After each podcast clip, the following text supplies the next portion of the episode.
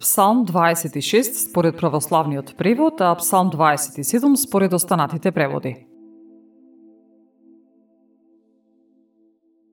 Господ е моја светлина и моје спасение. Од кого да се плашам? Господ е крепост на мојот живот, од кого ќе стравувам. Кога се приближија до мене злобни противници, непријатели за да го изедат телото мое, се сопна и падна. И полк да се крене против мене нема да се исплаши срцето мое. Дури цела војска да се дигне против мене и тогаш ќе бидам полн со доверба. Само за едно го молам Господа. Само тоа го сакам. Да останам во домот Господов преку сите денови на животот мој. Да ја гледам Господовата убавина и да се поучувам во неговиот свет храм зашто во злочест ден тој би ме сокрил во својата скинија, би ме сокрил под покривот на своето живеалиште. Би ме искачил на карпа.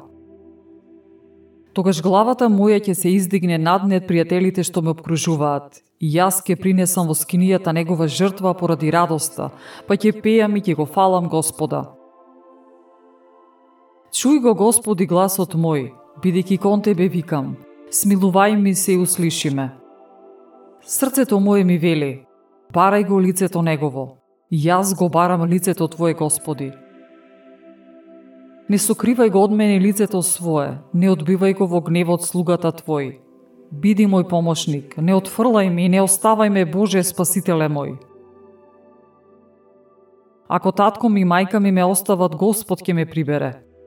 Научи ме, Господи, на Твојот пат и води ме по рамна патека, поради непријателите мои Не предавај ме на своеволноста на непријателите зашто востанаа против мене лажни сведоци со наследство во нивните носници.